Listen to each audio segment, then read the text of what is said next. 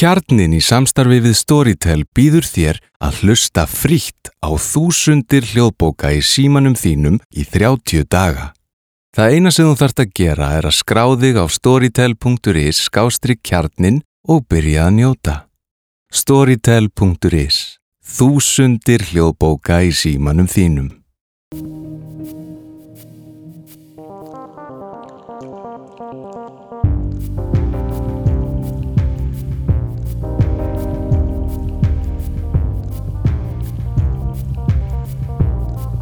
Kæri hlustendur, velkomnir í klikkið, hlaðvarp Hugarafs. Ég heiti Auður Axelsdóttir og við sittum hérna saman, uh, ég og Svafa Arnardóttir, yfir þjálfi og við erum báðir yfir þjálfar hjá Hugarafli.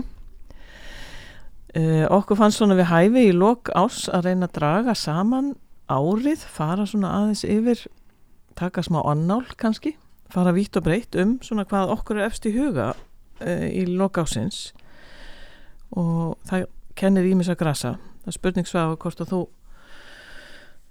nefnir eitthvað svona hvað kemur upp í þinn huga eftir, eftir þetta ár ég veit að stórti spurt Já, og það er margt sem mann langar að nefna í þessu skyni en kannski mm. fyrst að, taka svona upp af árs og, og hvað hver staðan var þá því að Já. ég held að okkur hætti svolítið til að e, já, okkur finnst gerna núna að, að það sé langt um liðis en að öryggi og framtíð huguraps var í lausu lofti. En það var einfallega bara í uppæði þessa árs allt óljóst enn og óráðið. Allt í uppnámi í raun og veru. Mm -hmm. já, já. Þá vorum við í borgatúrnu þá Já, og vissum í raun og veru ekki hvað myndi gerast með samtökjun við vissum að það myndi að það væri yrði gerður samningur eða reyndar var hann gerður í nómber og, og hérna þannig að við höfðum það í höndunum þegar árið byrjaði. Mm -hmm. en við höfðum ekki í höndunum svona hvernig við ætluðum að útværa hann og hvar. Það var algjörlega mikil óvisa og við vorum líka svona kannski það sem poppar fyrst upp í hugan hjá mér er bæði þessi óvisa og líka svona sorg okkar yfir að hafa mist geðteimið sem við unnum með get. Mm -hmm. og, og það er kannski ennþá svona ég veit ekki hvort ég á að kalla það sorg en það er, pínu, það er ennþá vonbrigði uh, yfir því að, að það teimi hafi verið leist upp vegna þess að við finnum reglulega og alla daga þörfina fyrir teimið Já, og í raun og veru finnum við líka að kerfi gerir ráð fyrir því að það sé hérna ennþá. Þannig að það er ennþá úrvinnslu atriði kannski. En, en svona fram að flutningum hvað myndur segja að hafi verið svona efst á baugi þá. Svona þessi óvisa kannski bara. Já ég, ég heyrði reglulega frá fólki sem var að íhuga að koma í hugarafli eða mögulega að fara að hefja endurhæfingar mm. ferli að þeim list ekki á að, að, að binda tröst sitt við að við erum til staðar. En það var svo mikið óryggi hjá fólkinu sem að hefði annars mögulega vilja festa rætur í starfseminni. Akkurat. Og það var það líka hjá okkur sem að vinnum hér í hugarafli og, og fáum laun fyrir þá, þau störf. Mm -hmm. að það var einhvern veginn alveg óvíst sko hvar munum við mæta til vinnu á næstinu næstu. og hvena munum við flytja og hvernig munum það líti út allt saman. Mm og við vissum náttúrulega starfseminn bæði önnur og aðstæður aðrar. En ég myndi segja að þetta, er svolítið svona þetta átaka tífumbil er líka grósku tífumbil Já, og opna allskins tækifæri og sem ég held að við höfum nýtt rosalega vel. Mm -hmm. fengum þetta fína húsnaði í Lámúla og fórum í mikla framkvæmdir á því húsi eða svona að stúka af og búa til allskins rými. og erum bara svo heppin að, að hér er mjög bjart og fallegt og, og mikið talað um það að það sé góður andi í húsinu. Mm. og við höfum náða að pakka honum niður í, í flutningskassana alveg reynd og kannski má nefna líka veist, að þessi samningur er gerður þarna til tveggja ára við félagsmannráðuniti og í gegnum vinnumálastofnun að það er einmitt verið að, að því okkur leið svona eins og okkur hefði verið hent svolítið út í hotn þannig að þegar að uh, baráttan stóð sem hæst mm. bæði fyrir samtökunum okkar og, og geðteiminu en það sem að samningurinn gengur hins vegar út á það er að, að, að eh, staðfesta það staðfesta þörfina fyrir svona opið úrræði sem byggir á bata og valdeflingu sem gerir ekki hérna, leggur ekki áherslu á sjúkdómsgreiningar eða, eða tilvísanir og uh, áhersla á ungt fólk og aðstandendu til dæmis mm -hmm. veist, þannig að það var svona eins og þú bentir á áðan þú veist það kemur eitthvað gróska oft út úr erfileikum að, að það var svo ánægilegt að þessir pólar væru svona festir á blað og, og, hérna, og það var það sem kvartir á þeirra til að semja við okkur og líka hérna þjónusta fyrir allt landið. Mm -hmm. og eins og þú bentir á þetta með húsnæði það hefur tekið alveg tekist einstaklega vel hérna í Nova húsinu. Diskokúlinni diskokúlunni. Sko. Þannig að það er hressandi fyrir geðheilsuna einhvern veginn. Við höfum séð að, að það er búið að vera um, bara stöðu ströymur af fólki og okkur langar kannski að nefna hvernig fólk hefur eða hvernig nýlega ferðlega er núna hjá okkur. Já, já. Hvernig fólk kemur sér inn í hugaraflega það hefur áhuga. Ég man eftir við, við hafðum hérna ákvaðum mannstu þegar við fluttum í nýtt húsnæði að við myndum svona skoða starfið okkar vel Mhm. og, og aðtuga hvað hvar við gætum lagt meiri áherslu og hvernig við gætum svona styrt okkur sem grasrót sem félagsamtök sem samtök með rödd sem að vil svona breyta áherslum í kerfinu. Það var eitt af því sem fórum í gegnum í, í svona þegar við vorum fluttinga og svo fórum við einmitt yfir nýlega ferlið. Hvernig þú svona gengur til liðs við mm. hugarafl. Og niðurstaðin er svo að við hittumst einu sinni í viku eða erum með opinn fund einu sinni í viku fyrir alla sem hafa áhuga á að kynna sér samtökin. Og þar er farið yfir hugmyndafræði upphaf og, og hérna innra starf og markmið og það tekur svona um það byrj klukkustund svona þessi fundur þar sem húsið er sínt líka og við sjáum hérna gríðarlega eftirspurn Mm. koma allt upp í 20 á, á fjölmennasta fundinu voru 25 manns eitthvað svolítið hérna í haust þannig að það er mikil eftirspurn eftir svona opinni þjónustu. Já, þetta er alveg magna að, við erum búin að halda það út að, að hafa þessa opnu fundi nánast sleitu laust hverja Já. viku og það er sífælt fólk að koma sem að bæði annarkvæmst vil vinna í geilsunum sinni eða eru ástvinir og vilja hafa upplýsingar um hvað er í bóði Nákvæmlega. nú eða fagfólk eða svo eru við svolítið að nemum sem að er að koma Mhm. kynna sér hvað er í bóði Einmitt.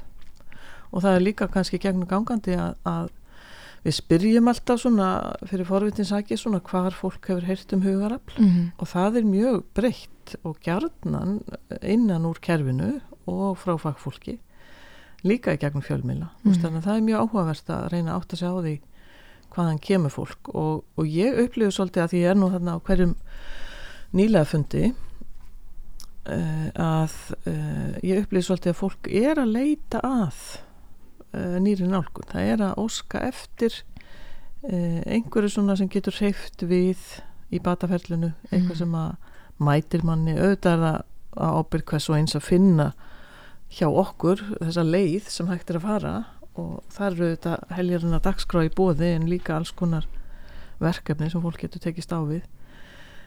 En mér finnst alltaf svona gott að rifja það upp að það er það er sannarlega áskorun að fara inn í svona starf það er Mhm. áskorun að, að ákveða nú ætla ég að finna leiði til þess að bæta mína geðheilsu vinna samkvæmt batamótili og valdeflingu hérna, því sem að hugarafsmenn er alltaf að tala um og reyna að skilja þau hugtök og það tekur auðvitað tíma en það er sannanlega áskorun að fara inn á við og reyna að átta sig á því er eitthvað sem ég þarf að breyta, er eitthvað sem ég þarf að ebla, er eitthvað sem ég þarf að einhver styrkleika sem ég þarf að finna sem ég veit ekki af og Mhm. alls konar svona og vera innan um fólk af því að valdefling er einhvern veginn ekki bara svona enga prósess sko, að það þarf að vera í samspilu við aðra Ég man svona, þegar ég var sjálfa að leita mér að tækjum og tólum til þess að- vinna að bættri geilsu hjá mér að þá fannst mér að pínu ergilegt sko, mann langaði svo í ykkur uppskrift að, að einhver sem að vissi betur og, og sem maður taldi að væri með öll sverin að við komum þetta réttum manni bara að lista, farðu og gerðu þetta, þetta og þetta og þá munið að líða betur. Já.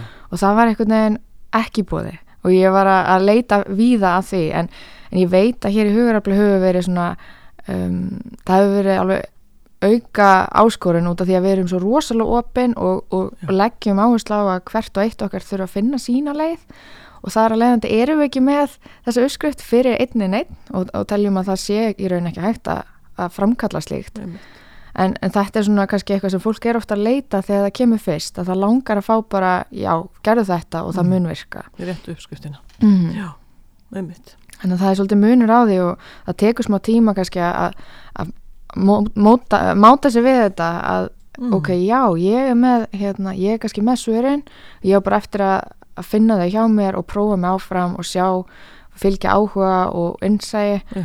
og finna svolítið hvað henda mér til þess að Mhm. vinna í, í því sem að ég hef gengið í gegnum Og sumt virkar, annað ekki og maður þarf stöðugt að endur skoða. mm -hmm. Það líka svo aðdóðanavert? Hvað einstaklingur í raun og veru er tilbúin að endur skoða aftur og aftur og finna bjargráð og, og, og auðvitað koma líka bakslög og erfiði tímar. Mhm. En, en ég held að inn í svona starfi eins og hér að þá verður það verður vonin alltaf til aftur þó, þó svo að hún sé hérna stundum pínu hæpin og það eru erfið tímar að þá að vera innan um aðra sem skilja og þekkja og líka svona setja svolítið ábyrðina í þínar hendur og virða þig þannig sem mannesku það gefur einhvern veginn öðruvísi uh, hvað ég var að segja, tækifæri til að finna þessa von og löngun til að halda áfram aftur og aftur og, og síðan að festa það í sessi. Mhm.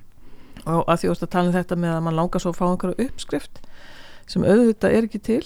Hún er einstakningsbundin í hvers skipti að ég hef ofta ekki með á það þegar fólk er að koma þá er það kannski að koma líka út úr umhverfi sem að segir annarkvort tekur þetta svona Mhm. eða ekki, þú veist það er einhvern veginn ekkit val. Já, og svo kemur hingað og þá hefur hellingsvalmöguleika og hefur það algjörlega í þínum höndum. En það getur líka verið pínu svona óurugur tími með þú veist að finna út úr því.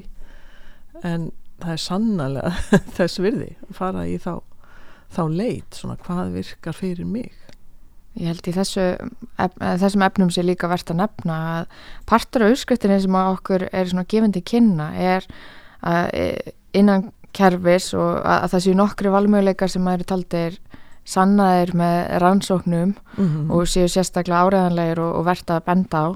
Og svo er áherslan á að komast í enga samtöl við ákveðna fagstéttir og að, að þetta tvent verði að, að einhverju svona töfra mikstúru sem hendi Mm. öllum og alltaf sem að, já, er enga veginn málið, að getur verið hluti af auðskrift sumra stundum. Það sem að skipti kannski, eða svona er partur af því sem fólk er ofta að máta sig við hér í hugurafli, er að áherslan okkar er að, að við séum félagsamtök. Já, að við erum með gífulega virkni og valmöguleika fullt af hópum sem eru reknir af jafningum mm þessi fólk er að meðla eigin reynslu, tengjast uh, leggja kannski niður grímuna eða, eða svona bæði að hjálpa öðrum að fá stuðning. Svo getur komið fyrir að, að viðtöl séu svona aukalegu stuðningur en þau eru ekki aðalatriðin töfratni gerast ekki í einstaklingssamtali ekki alltaf allavega. Nei. Og ég held að sé líka sko einmitt hérna ef við hugsaum okkur bara einstakling sem leggur að staði í bataferdi og hefur mögulega verið einágraður eða vanta félagsli tengsl og annað sem við Mhm. vitum að er, er mm, mikið og stórt atrið að vera í góðum tengslum að áherslan á viðtölum verður oft þannig að þú ferð kannski einn út í bæ, hittir einn aðila og ferð svo einn heim mm -hmm. aftur í einogrun og það er, reyfir ekki næjanlega við hlutum, það er alveg kristaltært þannig að ég held að, að svona miðstöð eins og þú veist að benda á þú veist það sem er hellingstækifæri hellings hérna, möguleika til að velja Mhm. hvað sem það eru virkni eða jóka eða samtalsópar eða fræðsla svo fátt eitt sér nefnt að það verður svona uh, verður svona eins og vinnustafur þú kemur inn í vinnustaf þar sem allir eru að, að að hugsa um það sama að efla sig og svo hérna eru þið tilbúinu til að þeir sem eru reyndir, þeir eru tilbúinu til að miðla reynslu sinni og styðja. Aðrir eru tilbúinir að, að hérna, taka að sér að því þú varst að benda á dagskrána að hún er svona mikið til notenda stýrð Mhm. og, og það er svona partur í batanum, ég veist alltaf svolítið hérna áhugavert að sjá það þegar það gerist, þegar að koma nýjir stjórnendur inn í hópana og svona og svo er þetta lótukerfi sem við erum búin að byggja upp núna í, í lámulanum Mhm. að hafa svona sex vikna lótu með ákveðna dagskrá þar sem eru, ég veit ekki hvað eru margir dagskráliðir en þeir eru gríðarlega margir Já, svona meðaltali rúmlega 30 stundir í viku sem fólk Já. er að velja um, það er bara það- næstum það er er töluvert sko.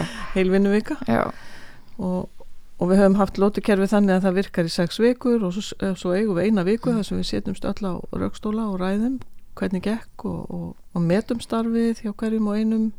Þáttanganda hópstjórar eru líka metnir. Mm og það er sett svona niðurstaða í það þannig að það er svona alltaf tækifæri til að opna hei, ég vil vera með þennan hóp núna mér langar að prófa, fæ ég, ég bakk upp á það? Og, og hérna. Þannig að það er svona mikil gróska einhvern veginn í því Þetta, er, þetta er svo dýrmætt og ég held að þessi verst að ítreka til dæmis í þessum laðarstætti mm. hvernig þetta fyrirkomulega er. Því að við erum sannarlega ekki uh, bara e- einhver svona þjónustupakki þess að fólk kemur inn og, og, og fær þjónustu Nei, heldur eru við félagsamtök og Mm. það hefur svolítið vaksið bæði hluti grásútastarfsins sem við getum kannski gert frekari skil núna á eftir. Já, en líka það að, að fólki sem verður félagir í hugarafli að það er að móta starfið alveg frá upphæði Einmitt. það hefur áhrif á hvað er í bóði það hefur áhrif á uh, hvað, hvaða hópar verða hvaða áherslu við leggjum hvaða tilkynningar við sendum út í fjölmiðla hvaða verkefni við leggjum upp með mm.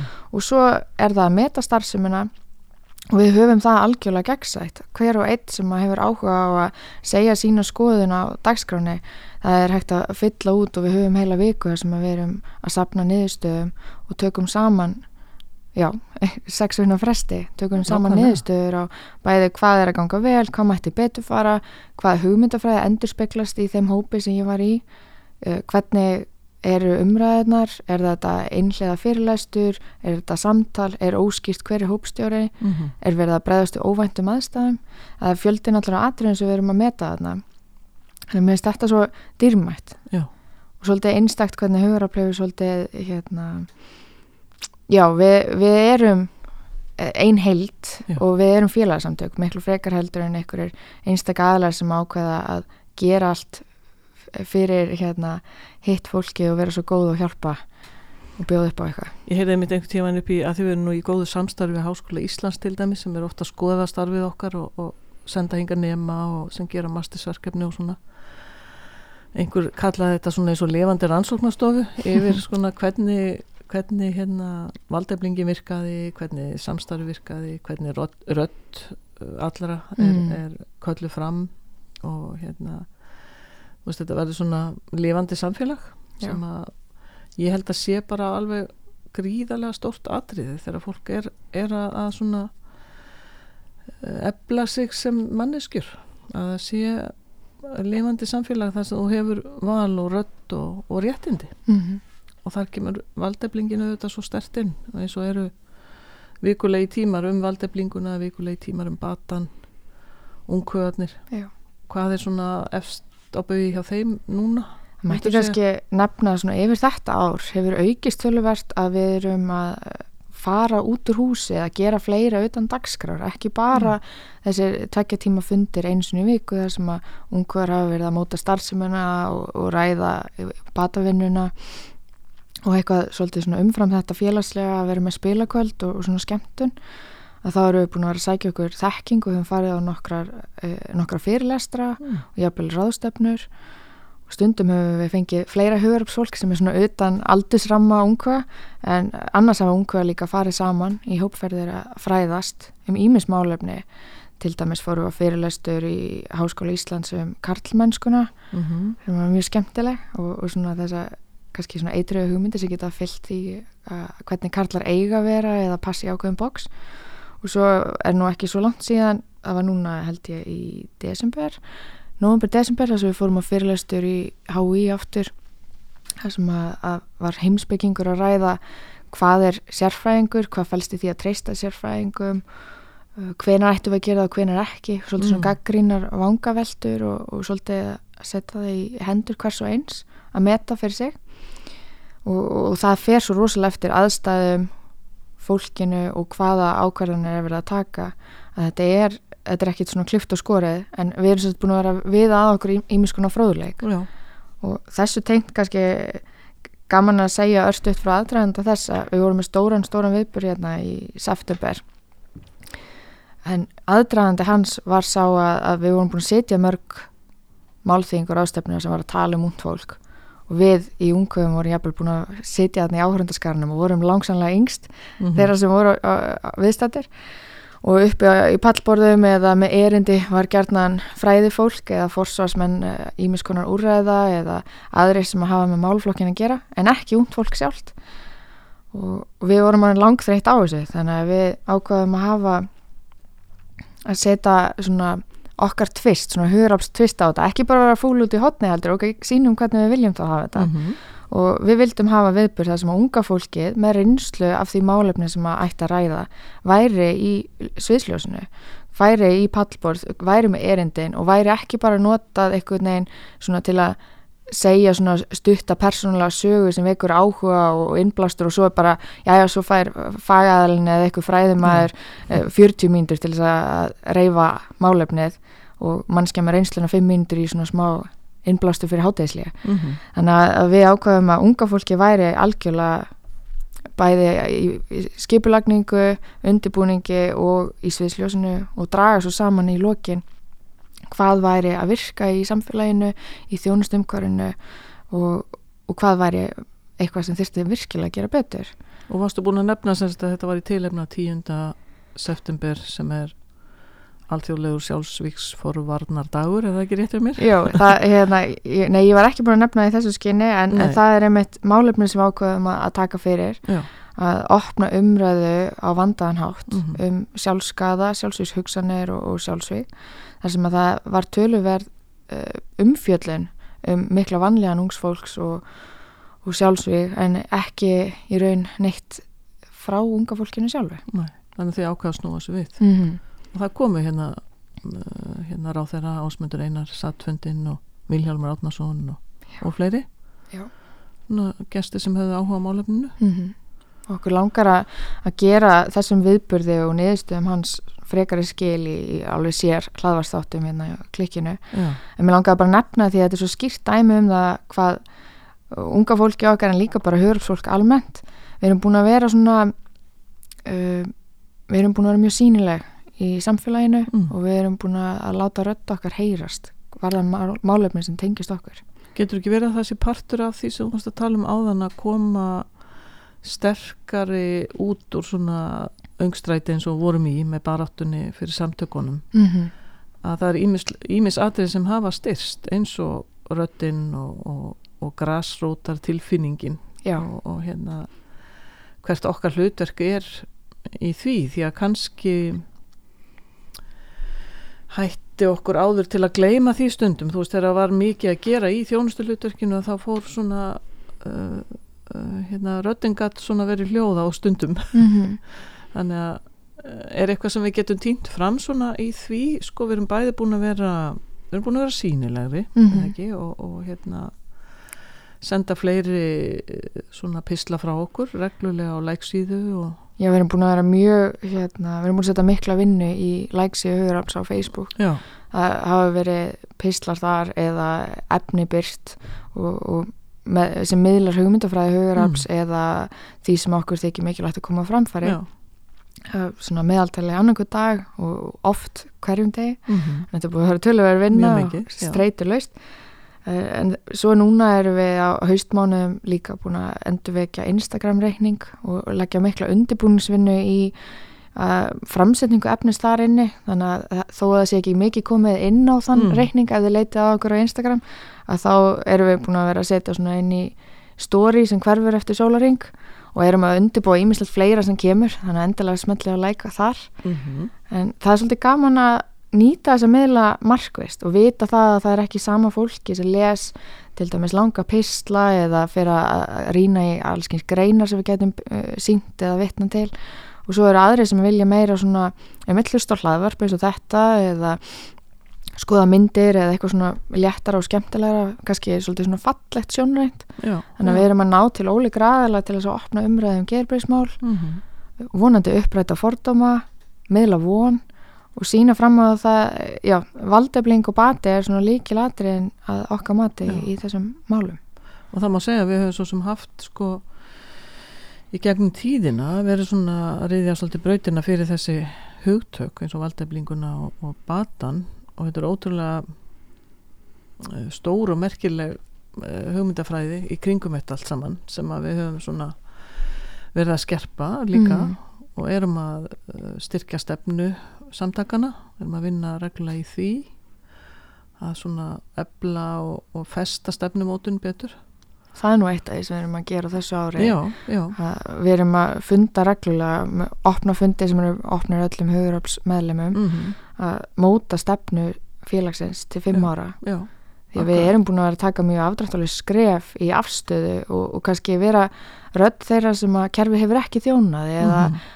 benda á það sem mætti betur fara og það er ekkit alltaf vinsælt en þá erum við að fylgja sannfæringu okkar að þetta skipti máli það Nákvæmlega. skipti máli að réttindi séu virt Mhm. og þetta varðar eh, miklu stærri hópheldur en kannski fólk gerir sér grein fyrir Já. Og það er auðvitað líka verið að leita til okkar með, með uh, að því að nú er hugarapsfundurinn okkar sem er fundu félaga samtakana eins og í viku sem er tveir tímar, það sem Mhm. allir mæta. Uh, þar er auðvitað bæði farið yfir innra starf og ytra starf og þar eru stundum send málefni eins og það að hafa uh, álit á einhverju áliktun sem er verið að gera í þing, þinginu eða frumvörpum öllu heldur, alltaf ég að segja. Þannig að það eru auðvitað svona mjög lifandi hérna, starf en, en á sama tíma þurfum við alltaf að halda því á lofti að, Mhm. að rödd þeirra sem að annarkvort þykja þjónustu eða, eða vilja vinna í heilsu sinni hafa gríðarlega mikið um þetta að segja hvort hún sé góð eða ekki eða hvort að ég breyti einhverju og, og kerfi kannski hefur tilneyingu til þess að vilja ekki vita þetta. Þannig að hérna, það skiptir miklu máli að hafa þessa rödd sem að við erum til að svona benda á og uh, alþingi til dæmis leita til okkar reglulega með, með hérna, frumvörp og fleira. Mm þannig að það er svona það má kannski segja að hugarafs sé ansi svona stert í samfélaginu þannig. Og stundu sendum við auðvitað ég man ekki hvort við höfum sendt einhver álíktanir frá okkur á þessu ári Jú, og, og það hefur nú fæst rosalega í aukana að við fáum svona beðnir um umsagnir og við Já. höfum verið mjög duglega að svara þessu því að Já. þetta fyrirkomulega að hafa opin félagafund einu sinni viku gerir það verkum að stundum fáum við beðinu um umsögn og, Mm. og það er ekki mikill tími til þess að fara yfir og ræða og við Nei, nei, viljum nei. gera það á líðræðslegan hátt og, upp á borðum allir sem hafa áhuga á málefninu komi að umræðinni og þá er svolítið svona áskorun að ná að, setja niður formlegt svar Já, innan tímafrest þannig að þetta er búið að vera svolítið ég heldur sem búin að standa okkur vel í ár og, og þetta er að færast í aukana. Og, og einni höfum við verið búið á fjölda funda þar sem hefur verið Mm. óska eftir innsæi notenda varðandi hitt og þetta eða samráði við, við fólk með persónulega reynslu af vandlegum áskorunum það hefur verið bæði á vegum svona sérstakra nefnda sem hafa verið skipaðar fyrir heilbriðsáðuneytið já, það hefur verið eh, samráðsfundur notenda við heilbriðsáðuneytið það hefur verið samráðsfundur geðúrræðana mm. á höfuborgarsvæðinu, þetta er fjöldi allan að fundum. Og það er tölverið vinna sem hefur fólk, uh, verið falin í þessu. Já. en er ef við verpum aðeins ljós á það þegar við verðum að halda svona fundi ég man eftir því að svona koma þess á í upphafi að Mm. rödd notenda heyrðist og, og hérna þá virtist þetta að vera pínu svona spari eh, svona hátíðis og titildögum sem að notendur væru kallaði Mm. til og svo svona til þess að geta sagt nú erum við búin að leggja þetta fyrir notendur og annað Hefur, eh, heldur að það hefur breyst að því þú hefur sótt þessa fundi meðal annars meðal annara þetta er, sko þetta er nú eitt af því sem að mér þykir svona frekar ergilegt stundum og ég á Já. svolítið erfitt með að sitja á mér mm. því að við, ég held að við séum oft höfð sem spari eða svona til, til skrauts eða til þess að geta sagt í einhverju skýslu þetta var búrið undir fólk og fólk Mhm. sagði já meina við höfum mætt á fundi og haft mjög sterkar skoðanir á málefninu og verið með alvarlega ratjóðsemdi við eitthvað sem er verið að leggja til og það hefur svona, við höfum fengið svona já takk fyrir skoðunina. Mm. svör. Og svo skilar það sér ekki í endanlegu plaggi að því sem er gefið út að, að þessar aðtöðsendur hafi verið gerðar eða, eða textin er aðlagur að mjög litlu leiti en samt er við til, titluð sko við komum að því að við mættum á fundi eða við rættum þetta. Ah, en að þá er allt í einu búið að setja eitthvað svona stimpil að við höfum nú tekið þátt í þessu. Og, og mér finnst það svolítið erfitt. Já, og mér finnst líka erfitt að, að, að kannski segjum svona fundir að þeir séu haldnir en þeir eru bæði kannski stuttir það er mjög lítið rætt það er lítil tími til þess að fara yfir áriðandi mál mm -hmm. og að það kom ekki allir að borðinu með sömu upplýsingar til dæmis hvað var þar fundardagskrá eða fá samandækt í lokfundar eða vita Ah. hvað er ákveð að gera í framhaldinu það er svolítið svona ég, ég veit ekki af hverju þetta stafar af einhverju öðru heldur en mögulega því að, að við erum ekki jöfn Mhm. og við séum ekki metin til jafns. Það er svona virkar eh, líklegasta skýringin Já, að það sé ekki alveg jafnræði þarna ennþá. Þannig að það þarf sannanlega að halda því á lofti. Mm. að því að það er svona skiptur auðvitað öllu máli að það sé tekið marka og sé einhver tilgangu með þessu sé ekki bara svona spari hlutverk. En þetta er þreytandi því að, að stundu fara maður þá að hugsa að ok, ef þetta skiptir engum máli hvað sem að komið ekki þá ættum við kannski bara að halda okkur heima og setja kraftan í eitthvað sem skilar árangri. Mm. en það þýðir þá að, að, að við höfum fengið fundabóð og ekki komið og það er alveg ekki sínt áhuga málumni þannig að þú veist, það er, það er einhvern veginn að maður getur ekki Nei. alltaf unnið í þessum málum. Svo kannski að því að við erum að tala löst og fast um dagskrána í húsi við erum búin að nefna hérna uh, almenna dagskrá við erum búin að nefna lótukerfið og nýlega fundina og svona. Og, og fólk getur kynnt sér dagskrána á hugarafl.is en við höfum líka svona verið með nýja atbyrði eins og hugarafskvöldin eru þau ekki Já. búin að vera hvað, þrjú? Jú, þetta, þetta var svona eitt af því sem kom út úr starfstöðum hjá okkur Já, okkur langaði og, og sáum þörf á að hafa ykkur opna viðbyrði þar sem okkur langar að opna umræðan gelbrísmál enn frekar mm. og hafa þau á tíma sem að almenningur gæti komið, fólk sem er mögulega í dagvinnu og, og á ekki kost að koma í hugarafla dagvinni tíma, akkurat þannig að við vorum með opna viðbyrði á 50. kvöldum, nokkur skipti núna í haust og svo Mhm. heldur áfram í vor Já, viðbyrðin eru allir ólíkir þannig að þeir eru með mismunandi þemu hverju sinni við erum búin að hafa tónleika sem við köllum klikkaða tónleika Já. með allskeins lifandi skemmtilegri tónlist mm -hmm. svo skipulaðir þú eða sögu, sögukvöld nákvæmlega, eftir ákveðin aðferð það var alveg magna. Já, og ég veit og ég var nú eiginlega bara pínu að, að hérna, vonandi lokka ykkur hlustundur að mæta mm. næsta kvöld sem verður í janúar þriðju vikuna í janúar að það er, eh, vinnuheitið er frelsisskerðing og það hljóma Mm. kannski, já þetta er ekki létt með þetta efni. Nei, en við erum ákveðin vinkil á þetta sem hefur ekki heyrst mikið. Það er að segja, það er búið að tala svolítið um, um hérna, til dæmis þvingar innlagnir og þvingar livja meðferð mm sem við erum klálega andvík og það er verið að endur skoða lög sem að hafa verið að veita heimildir til þessa en okkur langar að fjalla líka um svona svolítið leindari hlið þessara frelsiskerðingar til dæmis það þegar okkur líður mjög illa og leitum þjónustu og, og, og byggjum um að fá að leggjast inn á geðdeild mm.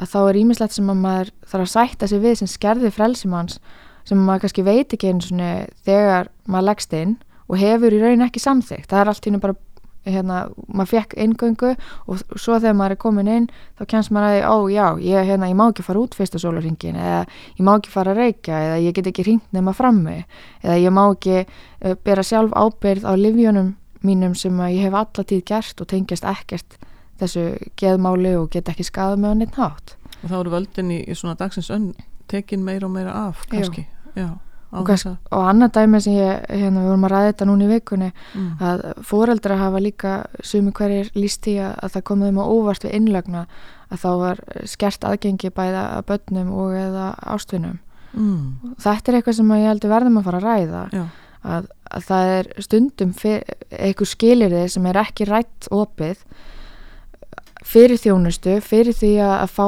hjálp þá þarf þetta að sætta þig við alls konar hluti sem eru, já sem þeir voru ekki tilkynnt fyrirfram. Nei. Og svo er ekki hægt að, ræða eða samþykja það er bara búið að gerast. Og erfitt kannski vera í þessari stöðu að vera í vanlíðan, þykja þjónustu geta ekkert haft um hann að segja. Mm og þetta er auðvitað mjög viðkvæmur viðkvæmur staður að vera á. Og erfitt að átta sig á kannski fyrir en eftir á. Jú, þannig að við munum vera með opið kvöld, Mhm. það er 90 mínútur. Uh, á fimmtudegi og endilega kíkja á, Facebook síðan okkar hugurafl til þess að Mhm. sjá viðburðin sjálfan en þetta verður sem sagt opið öllum sem hafa áhuga á þessu samtali og við nálgumst þetta samtali á okkar eigin reynslu Já.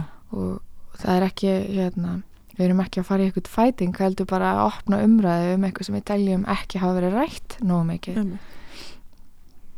Svo kannski eitthvað fleira um, það hefur ímislegt við opnuðum nýjan hóp á árunu, rattahópin okkar Mhm. og, og gengum þarna í samtökin Intervoice sem er alþjóðlega samtök um, það er eiginlega nærtækast að fá því til að segja frá því að því að þú ert hérna eh, annar stjórnendahópsins eða annar mm Mhm. uh, leiðbinanda Já, hvað myndur vilja segja um hann? í raun uh, við hófum þennan hóp, rattahóp sem að hittist alltaf uh, í hverju viku og þriðu dögum við hófum hann í februar við stopnum landsamtökin Hearing Voices Iceland í, í mars-april. Mm með miklu pomp og prakt Já. uh, í kjölfarið erum við náttúrulega búin að viða einhver mikil í þekkingu og, og læra inn á að halda slíkan hóp. Það, Mhm. það þarf að gæta allskins hlutum bæði að, passa upp á umræðan sem með þeim hætti að, að það sé ekki verið að setja sjúkdómstimpla eða greina eða spegla eða gefa ráð. Það, Já. skiptir gríðarlega máli í þessum hópi. Og, og svo erum við svona erum eiginlega að sjá það og, og, og erum búin að halda það svolítið úti í svolítið tíma var, var ekki droslega margir að mæta í hópin þó að umræðan var mjög góð. Mm og, og núna er hópurinn búin að vaksa og blómstra og það eru fleiri og fleiri sem að eru með þetta hlut af sínum svona, sínu vikalega plani og koma og nýta sér hópin og líka þá að, að leiða umræður eða taka svona meiri ábyrð innan hópsins. Mér finnst alltaf svo merkilt þegar ég heyri annarkvort ykkur leiðbennutna uh, útskýra eða aðila sem taka þátt í hópnum að það að taka og deila svona hugsun eða tilfinningu eða, eða einhverju sem að hérna, getur haft áhrif á mann í, í dagsins önn og deila því með öðru fólki sem að skilur Mhm. og þekkir að það gerist eitthvað sérstakt. Það verður einhver svona sérstök samkend til og sem að í raun og veru kannski léttir það sem við komandi er að fást við. Mm og hérna, mér finnst þetta svo ótrúlega merkilegt og ef maður les svona rannsóknur um svona hópa þá eru þeir oft, oft hérna upphafið að svona auknum bata eða raunverulegum bata Já. kvöldlega það að, hérna, er mjög magnað að Mhm. heyra um þessa samkendi eða, eða samtilfinningu sem verður Þetta er eiginlega, þetta er svolítið hérna, já þetta er erfitt að lýsa þessu með, með einhverjum einföldum hætti en Mm. ég hef stundu sagt að þetta sé svolítið töfrum líkast. Já, Við förum svolítið í hérna óvissuna með hverja umræði fyrir sig, við vitum ekki alveg svona hverju munu nákvæmlega mæta, hver, hvað fólk Mhm. mun kjósa að deila og hvað umræði munu skapast.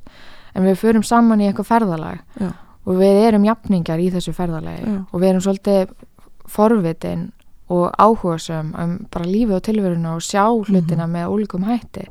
Og það held ég að sé svona leiðaljós hvort heldur sem fólk tengi við það að heyra rættir, sjá sínir eða, eða bara vera manneskja á jörðinni. Já. Að það að vera forvitin og svolítið svona leggja fordóma til hliðar mm leifa sér að upplifa og sjá og skilja skinja, það er svolítið hérna, leiðina mjög áhugaverðu forvitnilegu svona lífi fyllt af vöxt. Já, já, nokkvæmlega vexti. Svo höfum við auðvitað svona að því við erum að fara yfir árið þá hefur auðvitað verið fjöldin allur af Evrópuverkefnum með, með hérna eh, nýjum einstaklingi sem var áðin hérna til samtakana Dúmi Trítu sem heldur utanum samstarf við, í gegnum Erasmus Plus. Og þau eru svo mörg að ég treysti mér ekki til að fara að nefna þau en það er allavega fjöldin allar af verkefnum við mm. eh, í samstarfi Evrópu. Og uh, við höfum líka farið á fleiri ráðstöfnur eins og ráðstöfnu um livjamál og það held ég sé bísna merkilegur hlutur að það búið að stopna þarna, við höfum nú rætta áður hér en, en það búið að stopna sagt, samtök sem að vilja sérstaklega einblýna á livja niður tröppun Mm. eða það að fara í gegnum geðrana erfiðleika án livja og sapna bæði þekkingu, rannsóknum og, og hérna opna uh, vittnesku um hvað er að gerast í hverju einu landi fyrir sig og við sóttum hennar fundi í september og næsta ári verður haldinn ráðstefna um þetta mál um, um, um möguleika fólks á að, að trappa út lif eða hætta á lifjum Mhm. eða, eða bara taka þau hreinlega ekki. Hvaða möguleika maður hefur í hverju samfélagi fyrir sig. Og þarna Hefur hugarafl alltaf verið svona málsvari uh, fyrir því að, að það sé upplýst umræða um lif og, og hérna ef að einstaklingu tekur lif að hann fái allar upplýsingar um, um lifin, hvað er gott við þau og hvað er ekki gott við þau og hvers vegna eða hverju þau munu breyta og hverju ekki. Þannig að það er þetta er svona kannski liður í því að, að skerpa þá umræðu. Og ég hef svona veldið mikið fyrir mér að, að það er algjörlega komin tími á að við tökum þessa umræðu einhvern veginn allarleið mm -hmm. að við séum öllu í að ræða það sem þú setur ofin í því það skiptir máli. Sama hvort sem það er fæða eða líf eða, eða hvað það er og sérstaklega lífinu þetta sem hafa mikil áhrif á, á líkama og heila starfsemi. Þannig að ég fagna því að við, það verður í oktober á næsta ári. Rástefna rástefna hérna á Íslandi. Og það þótti margar hluta vegna á þessum fundi sem ég var bóðin á þessum voru 35 einstaklingar frá 13 löndum þá þótti hérna mjög áhugavert að hafa fyrstur ástöfnu þessara samtaka hér partur af því eru þetta sá að, að uh, Íslendingar hafa sett fjöldan allan af, af hérna, heimsmetum í Livia Notkun mm -hmm. og, og við erum lítið samfélag og, og það ætti að vera hægt að hafa áhrif á samfélagið að þessu leitinu til uh, kannski eru við samt sem áður en þá mjög viðkvæm fyrir umræðinni þannig að það þótti líka áhugavert að reyna að opna hana hérna og hafa þar með áhrif á fleiri lönd auðvitað Mhm. Ég held kannski út að þetta er svona áramóta annál það er svolítið gaman að eitt af því sem er búið að breytast held ég klárlega á þessu ári mm. er að við erum að verða óhyggaðri í að ræða þessi mál Já við höfum alltaf og, og þú sérstaklega farið í fjölmiðla og, og mm. b- svona talað um þetta og bent fólki á að, að þetta er nú kannski svolítið langt umfram það sem önnur lönd er að ávísa og hvað, hvað, af hverju skildi þetta stafa og hvað áhrif þetta hefur Mhm. en uh, við höfum fengið svo mikla gaggrin á okkur og á tímubili vorum við svolítið viðkvæm fyrir því og vorum að reyna að passa, setja alltaf eitthvað svona varnagla á undan Já. og með langan formóla um að, að já, ég, ég hef sjálf verið í þeim sporum að, að þú veist, þurfa að útskýra að lif geti hjálpa sömum stundum í einhverju magni Mm, og, og fólk mm. metur fyrir sig hvert og eitt og við séum aldrei í þeim sporum að segja fólki að hætta að lifjum og við erum ekki að taka fyrir hendunar á fólki Mhm. og að hugarapsfélagar geti klárlega nýtt sér lif sem hluta verkværi ef þau kjósa Mhm. en að við séum að tala fyrir opnu uh, samþykki og upplýstu samþykki og opinu umræðu og öðrum valmöguleikum þannig að uh, þetta er rosalega þreytandi varnagli. Já, og ég verð að segja, ég er alveg ég, ég held að sé breyting á þessu ári Já. sem við mitt höfum rætt saman tvær að, að þessi kannski komið tími til að, mega tala svolítið um þessi mál. Því að uh, bara svo að það sé sagt mhm. uh, þau sem eru með annan málflutning til dæmis segjum þau sem eru svona í ráðandi um, ráðandi þjónustu og er að lýsa því að, að, að lif séu valmöguleiki og vilja beina fólki þangað Mhm. að taka lif að þau eru ekki krafin um sambarlega varnakla í hináttina Nei, það er að nei. segja að lif hendi ekki öllum Akkurat, að lif séu ekki alltaf góð til langstíma og, og kannski bara sjaldan eða aldrei og, og þú veist, þau eru ekki krafin um það að gæta þess að, að allar hliðar málsins sjáist og heyrist Mm. en við erum sannlega krafin um það alltaf við tölum um þetta mhm. Akkurat af hverju er þetta svona viðkvæmt ef þetta er klálega ráðandi nálgun í íslensku mm. Já. að ávisa fólki lif fólk veit að, að það er æskilegt að, að samtalsmeðferð sé svo fyrsta Mhm. en hún kostar pening, það er erfitt að komast að þetta er allt annað Já. og meðan lifin eru svolítið svona um, þið líður strax eins og þú sérst að gera eitthvað í málunum Nákvæmlega og það er aðgengilegt, kostar þið ekkert svo mikið eða oft allavega í fyrstu, Mhm. þannig að ekki fjárháslega og svo kannski annað líka í þessu að uh, þetta er leið sem að er oft farin mjög hratt eins og segir og, og líti á þetta sem alls er að löst stundum sem það sannarlega er ekki. Mm þó það getur verið einhver partur af henni. En, en kannski erum við líka búin að þróa samfélag sem að er tiltölulega lokað fyrir því að við getum komist í gegnum ótrúlegustu erfileika án þess að fara þessa leið.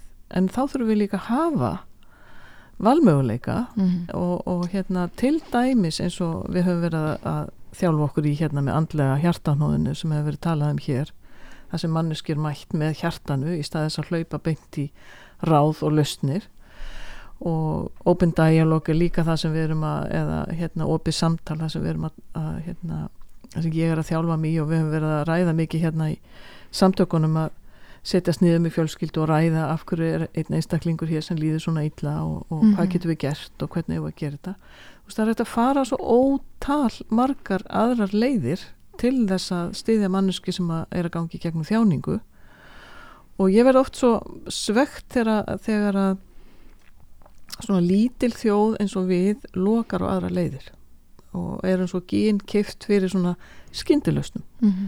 ég held sannarlega að við séum ekkit alveg lokuð fyrir öðrum leiðum, alls ekki ég held að við séum að einhver leiti bara opinn fyrir því en, en svona í dagsins önn og í hraðanum og öllu því þá erum við svona svolítið ginnkeift fyrir skyndilöst sem er kannski bara tildulega skadaleg og, er ekki nægilega vel kynnt því að það er allt annað fyrir einstakling að taka lif ef hann veit nákvæmlega Mhm. hvað er erfitt að hætta á þeim hvaða aukaverkanir og, og hvaða getur haft í för með sér ef að veit nákvæmlega allt um það og getur uh, Mhm. samt sjálfur tekið valið það er allt annað, það er allt, allt öðru sem farið á stað Sammála. þannig að hérna ég vona sannarlega og ég held að hugarafn sé alltaf að og líka á þessu ári að bæta við sig í þessu eins og þú segir opna fleiri leiðir, hafa sterkari rödd í öllum hérna öllum uh, eða þekkingaleitinni bara um aðra leiðir og, og hérna þjálfun eins og við höfum verið að fara í Mhm.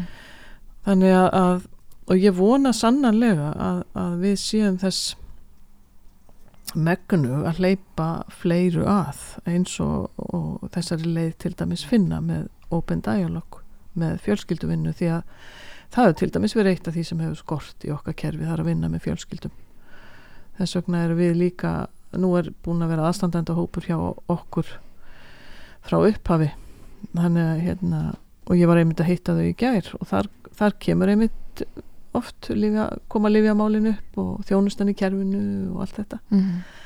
og ég stend á því fastarum fótunum að, að fleiri valmöguleika sem eru vandlega undirbúnir eins og, eins og með rattahópin og, og hérna meiri fjölskylduvinnu og, og andla í hjartanúð og svona við eigum auðvitað sem samfélag að opna fyrir Já. þessum leiðum og vera meðvituð um þær Í þessu skinni langar mig líka þá að- nefna hugmyndina að skjólhúsi sem Já, er eitthvað sem já. við erum búin að vera að vinna að og við höfum unnið að í fjölda ára með hlýjum en nú í ár fórum við á stað aftur með þá Mhm, hugmynd já. og langar gjarnan að koma því til leiðar að það verði skjólhús á Íslandi og vonandi framtíðin en, uh, fleiri en eitt Já, en skjólhús er sem sagt annar valmöguleiki, það er að segja staður sem þú getur leitað í vanlíðan og krísu þar sem þeir líður eins og þú getur ekki verið heima hjá þér í öryggi. Mm og getur þá leitað í skjólhús sem er ekki að fólki með persónulega reynslu af andlegum áskorunum og, og verið þar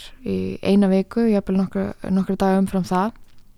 Eitthvað eh, svona á meðan á nærlendingu. -hmm. það er engin að, að sem að tekur að þér völdin, það er engin þvingaður að fara aðna, þú ferð á einn forsendum og þér er frjálst að koma og fara það er að segja, nýta þér til dæmis það sem er í gangi í samfélaginu eða mm. halda eh, áfram í vinnu ef þú treystið þér til því að við þekkjum það líka að það náttúrulega getur verið mikið streita ástand og aukið álag að vera sem ágjur að hvernig mun ég borga reikningana um næstu mánuðamót ef akkurat. ég er búin að vera tekin hérna út úr öllu í Já, viku já. eða tvær Já. En já, okkur langar að vera með skjólhús sem að gæti verið valmöguleiki til að leita áður en að maður er komin á þann stað að, að maður þurfi á geðdeild að halda eða mögulega ef maður kýsa að fara eitthvað annað en á geðdeild. Það Mhm. er svona annar valmöguleiki. Já, og við erum með flotta vinnuhóp sem að er að leggja drög að þessu. Já, það er frábært. En það er svona komandi á næsta ári líka. Mm Það er ótrúlega margt svo að mín sem að við hérna gætum nefnt. Það er eitt sem ég langar kannski að draga fram í lokin að hérna og ég er alveg sannfærið um að við gleymum einhverju, uh, starfið er mikið, dagskáin er mikil og við eigum eftir að hérna muna hellinga eftir. En mér langar svolítið að nefna það sem gerist til dæmis í kjölfarið á svona baráttu er að það dúkkar upp fólk sem að óskar eftir að fá að vinna með okkur. Mm -hmm. og mér langar sérstaklega að nefna tvo sjálfbóðlega sem hafa hérna lagt okkur lið Það er Elin Elisabeth Mark þjálfi og Hákon Leifsson gestalt þerapisti og þau hafa bókstarlega fengu kvartningu til að koma til að segja hei, ég veit þér að berjast við getum lagt eitthvað að mörgum, getum við ekki Mm. fengið að, að vera með?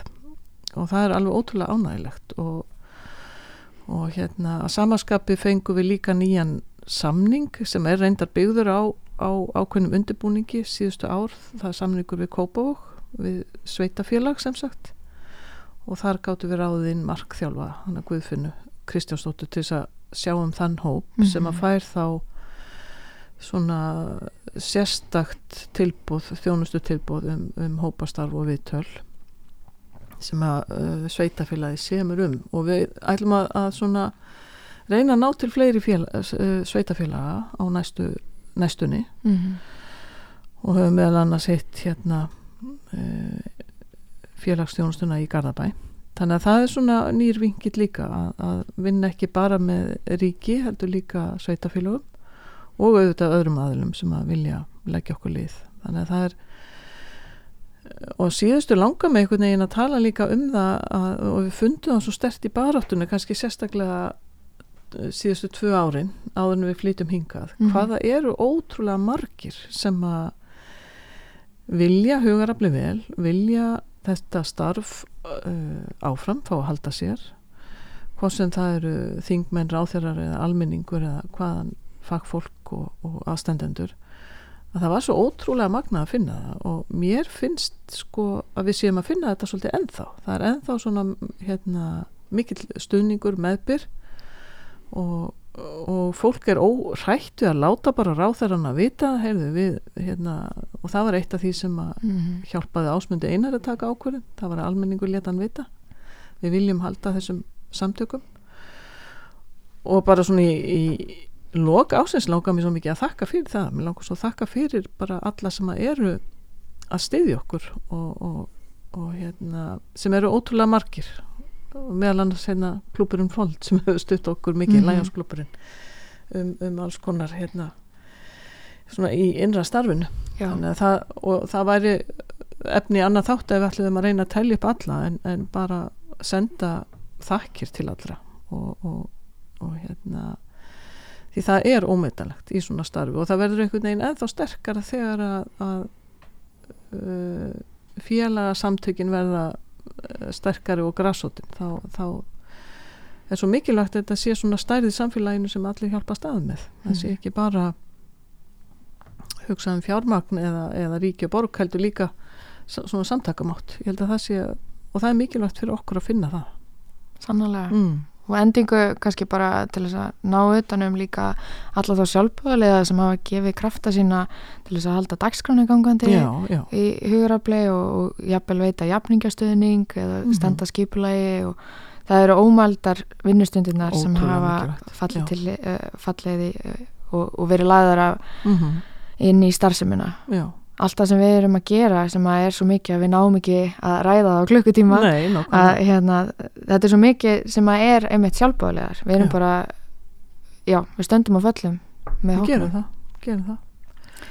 Já, eigum við bara að segja gleðileg jól og, og, og farsælt komandi ár og svona. Já, er, er hérna, við segjum bara takk fyrir árið. Og þakka fyrir árið og, og við góð jól svo mín takk og sömulegis og allir hlustundir Takk fyrir okkur Takk fyrir að hlusta á hlaðvarp kjarnans. Þú getur sótt fleiri þætti um allt milli himins og jarðar á vefnum kjarnin.is. Kjarnin í samstarfi við Storytel býður þér að hlusta frítt á þúsundir hljóðbóka í símanum þínum í 30 daga. Það eina sem þú þarft að gera er að skrá þig á storytel.is skástrík kjarnin og byrja að njóta. Storytel.is Þúsundir hljóðbóka í símanum þínum.